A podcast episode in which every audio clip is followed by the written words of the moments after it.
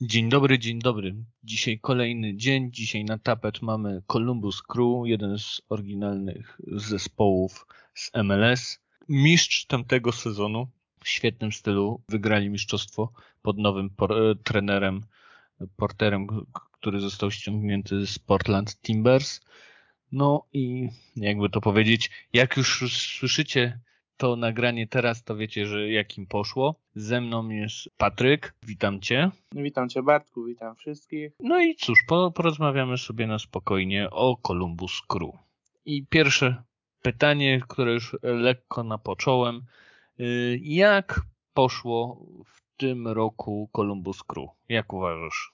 Wydaje mi się, że po zeszłym sezonie pani mieli większe oczekiwania co do swojej drużyny tak naprawdę jedyny sukces to wygranie Campeones Cup z meksykańskim klubem Cruz Azul, a tak poza tym to zabrakło im dwóch punktów do tego, żeby zakwalifikowali się do fazy playoff.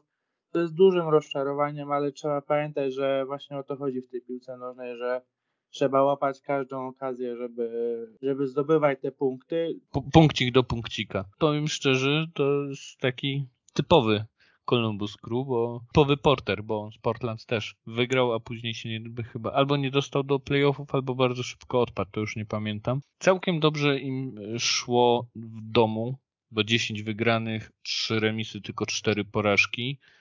Yy, zdecydowanie gorzej na wyjeździe i chyba tu jest główny pies pogrzebany, bo tylko Houston Dynamo miało gorszą ilość zwycięstw od nich i chyba jeszcze Chicago Fire. Więc e, no cóż, tu był pies pogrzebany. No i jeszcze trzeba wspomnieć o tym, że między 16 a 24 spotkaniem przegrali 8 razy, jeden raz wygrali, czyli na 9 spotkań zdobyli 3 punkty, więc no, z 27 na 3 punkty, no to jakby wam to powiedzieć, no Później dobrze grali, mieli na koniec trzy wygrane pod rząd, walczyli do końca, no ale ten środek sezonu to był gwoździem, gwoździem do trumny, przepraszam. Zabrakło trzech punktów, tak, żeby pewnie awansować, dwóch punktów, żeby tam o ilość goli, ale wydaje mi się, że oni mieli taką samą ilość, a nawet mniejszą ilość goli niż e, New York Red Bulls, więc no trzy punkty tak. Albo musieliby jakoś cudownie szczelić jeszcze 5 goli. Powiedzmy, że te 3 punkty za, e, zabrakło. E, no i co? Pierwsze pytanie, jak sobie poradzili ci gwiazdorzy, te gwiazdy na kontrakcie DP w tym roku? Trzeba powiedzieć, że Jazzy Zardes zawiódł. Jest to zawodnik, od którego oczekuje się dużej ilości szklanych bramek i zapewniał te bramki w minionych latach e, swojemu klubowi. W pierwszym sezonie w końcu strzelił 19, potem 13. W minionych rozgrywkach było to 12, no a teraz w 2021 roku zaledwie 9.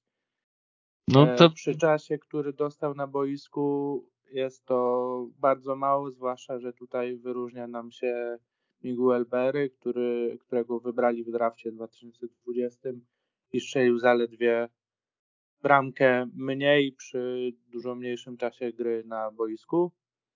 No, w przypadku Zala Ryana raczej spisał się zgodnie z oczekiwaniami, ciągnął tę drużynę, e, strzelił najwięcej goli. No i Pedro Santos a, też za, jak co roku dobrze wyglądał.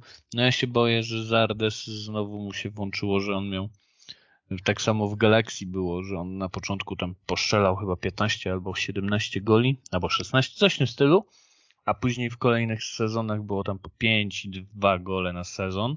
Boję się, że tak samo będzie w Columbus Crew. Trzeba pamiętać, że ten chłopak już jest chyba ósmy? Dziewiąty sezon w MLS? Ja ciągle zapominam, że on jest jeszcze dość młody, bo on ma 28 lat, więc on jeszcze się może rozwinąć. Tutaj korekta hmm. Bartku, on jest 91 rocznik, będzie miał 31 lat w tym roku. O, no to w takim razie Od nie września, jest. także tutaj e, tak, to, 9 to... lat w MLS. Tak, okej, okay. bo nie jako nastolatek, tylko chyba z draft. No, to przepraszam. Tak, on z draftu. Yy, więc yy, jakby to powiedzieć. Hm.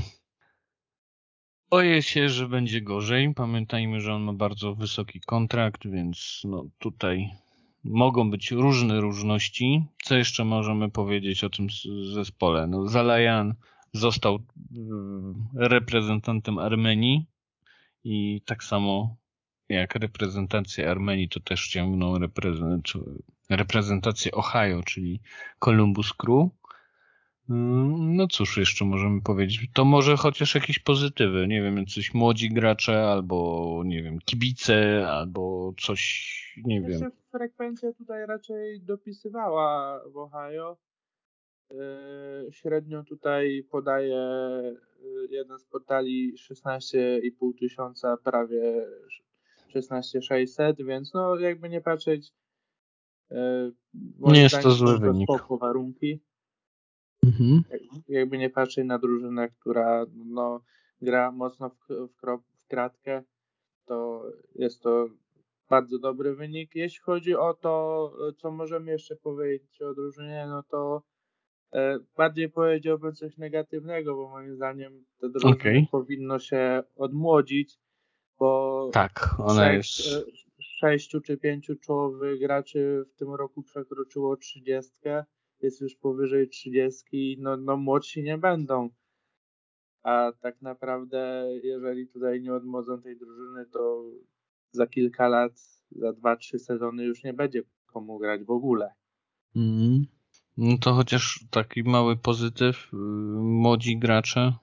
No to mówię, tutaj najbardziej się wyróżniał e, Miguel Berry. Mhm. Naprawdę jestem e, pełen podziwu, dlatego że no strzelał mimo tego, że nie miał e, tylu okazji do grania, co właśnie Zardes. To trzeba wziąć pod uwagę, ponieważ no, jeżeli jeżeli czołowy napastnik drużyny strzela tyle, co drugorzędny czy, czy trzeci wybór momentami, no to nie będziemy, nie ma co tutaj się oszukiwać, tylko trzeba mu dawać więcej tych szans w przyszłym sezonie. Mhm. Mam nadzieję, że tak też będzie. Strzelał dokładnie 105 minut. 840 minut, 8 goli, więc to naprawdę fajnie. Jeszcze z tych młodszych na, nadziei to mamy jeszcze e, Rumuna Aleksandru Matan. Tutaj był problem z kontuzją u Matana wstępnie. No i, No nie pokazał wszystkiego, co potrafi, bo on chociaż no, troszkę tych minut. Znaczy, dostał dużo gier, ale bardzo mało zaczynał, bo tam chyba na 25 albo na 28 spotkania zaczął, może z 4-5 spotkania. Zagrał tak, a tak łapał po kilka minut. Powtórz, Patryku? Zagrał w 30 spotkaniach i tutaj a ile minut? 829 minut. No właśnie, no to tak jak mówię, łapał ogony. Mm. Aiden Morris także złapał kontuzję. kontuzję. Być... Ogólnie. Można powiedzieć, że był szpital w Columbus i to taki dość solidny, bo i Molino był co chwilę kontuzjowany, co zresztą nie jest jakimś wielkim zaskoczeniem ale bo on w Minnesocie i w Orlando e, też był często kontuzjowany. To jest świetny piłkarz, no ale niestety z tych e, z gatunku szklanek. O wzmocnienie, no to przyszedł zawodnik z Wisły Kraków, Jałjeboa, Gańczyk, więc może tutaj coś się zmieni. No jest to 24-letni zawodnik, więc tutaj jakby w pewien sposób ta kadra jest odmładzana, ale e, przypuszczam, że może nie pociągnąć warunków MLS, chociaż według Crew mm, no, zainwestowali w niego, dość, e, w niego dość mocno zainwestowali. No zobaczymy, jak, jak to będzie e, wyglądało w MLS. Według znajomych, którzy oglądają Ekstraklasy, to był taki flipcoin. Albo zagrał świetnie, albo był kompletnie niewidoczny przez całe spotkanie. Boję się, że w MLS nie będzie, jeśli będzie tak dalej robił, to boję się, że nie będzie dostawał tylu szans. Więc tu zobaczymy, jak to będzie wyglądało. A cóż jeszcze możemy po, po, po, powiedzieć? Czy jeszcze widzisz jakieś rzeczy na przyszłość, na przyszły rok? No bo trener myślę, że jest nieruszalny. pierwszym roku zdobył mistrzostwo, więc myślę, że Portera nie ruszą.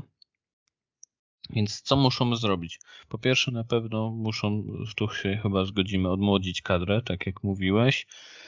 Yy, nie wiem, może zejść z kontraktów DP dla Zardesa i Santosa i może jakiś graczy U22 z inicjatywy U22, jakichś młodych, zdolnych. Po pierwsze, żeby oni nie musieliby być tacy, takimi graczami, którzy by zrobili natychmiastowy efekt, prawda?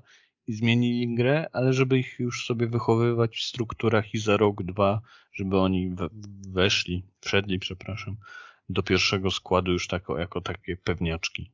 Tak, ja bym to widział. A jak ty uważasz? Znaczy, jestem tego samego zdania, bo jeżeli ten skład się będzie starzeć, no to za kilka lat będzie potrzebna jeszcze dłuższa kilkuletnia odbudowa. Jeżeli w tym nadchodzącym sezonie będą wprowadzać większą ilość tych młodszych zawodników, których wybrali całkiem fajnych w drafcie, to jestem zdania, że jak najbardziej y, jest tutaj potencjał do tego, żeby podziałać, tylko że no faktycznie ci starzejący się gracze, wysoki kontrakt z Ardesa niekoniecznie jest mu potrzebny, jeżeli, jeżeli ma się stać to, co nie daj Boże w LA Galaxy, no to lepiej, żeby lepiej, żeby rozejrzeli się za kimś lepszym. Może może jeżeli Berry w tym sezonie, w 2022 roku będzie lepszym napastnikiem niż Zardes, no to raczej po, po tym sezonie ta sytuacja na pewno się zmieni. A teraz możemy gdybać w sumie, bo jeszcze nie mamy żadnych oficjalnych informacji, czy cokolwiek będą działać w tym kierunku. Więc mam nadzieję, że dadzą radę odmłodzić tę kadrę i mają na to jakiś konkretny plan.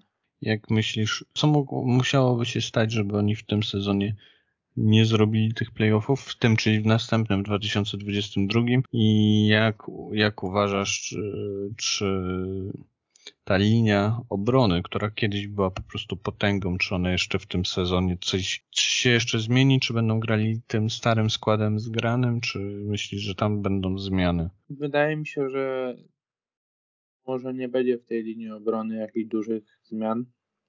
Są to gracze doświadczeni, i ze sobą zgrani. Jeśli chodzi o to, dlaczego mieliby nie zrobić playoffów, no to jeżeli Zela Ryan złapałby kontuzję i mieliby jeszcze większe szpitanie w tym sezonie, no to niż w minionym sezonie, to wtedy mogliby nie zrobić tych playoffów, ale wydaje mi się, że są w pełni i na ludzie w stanie to zrobić. Z tym składem jeszcze przez najbliższe dwa sezony, jeżeli nie będą mieli szpitala, no to powinni robić te playoffy. No teraz się poślizgnęli, ale powinni dać radę.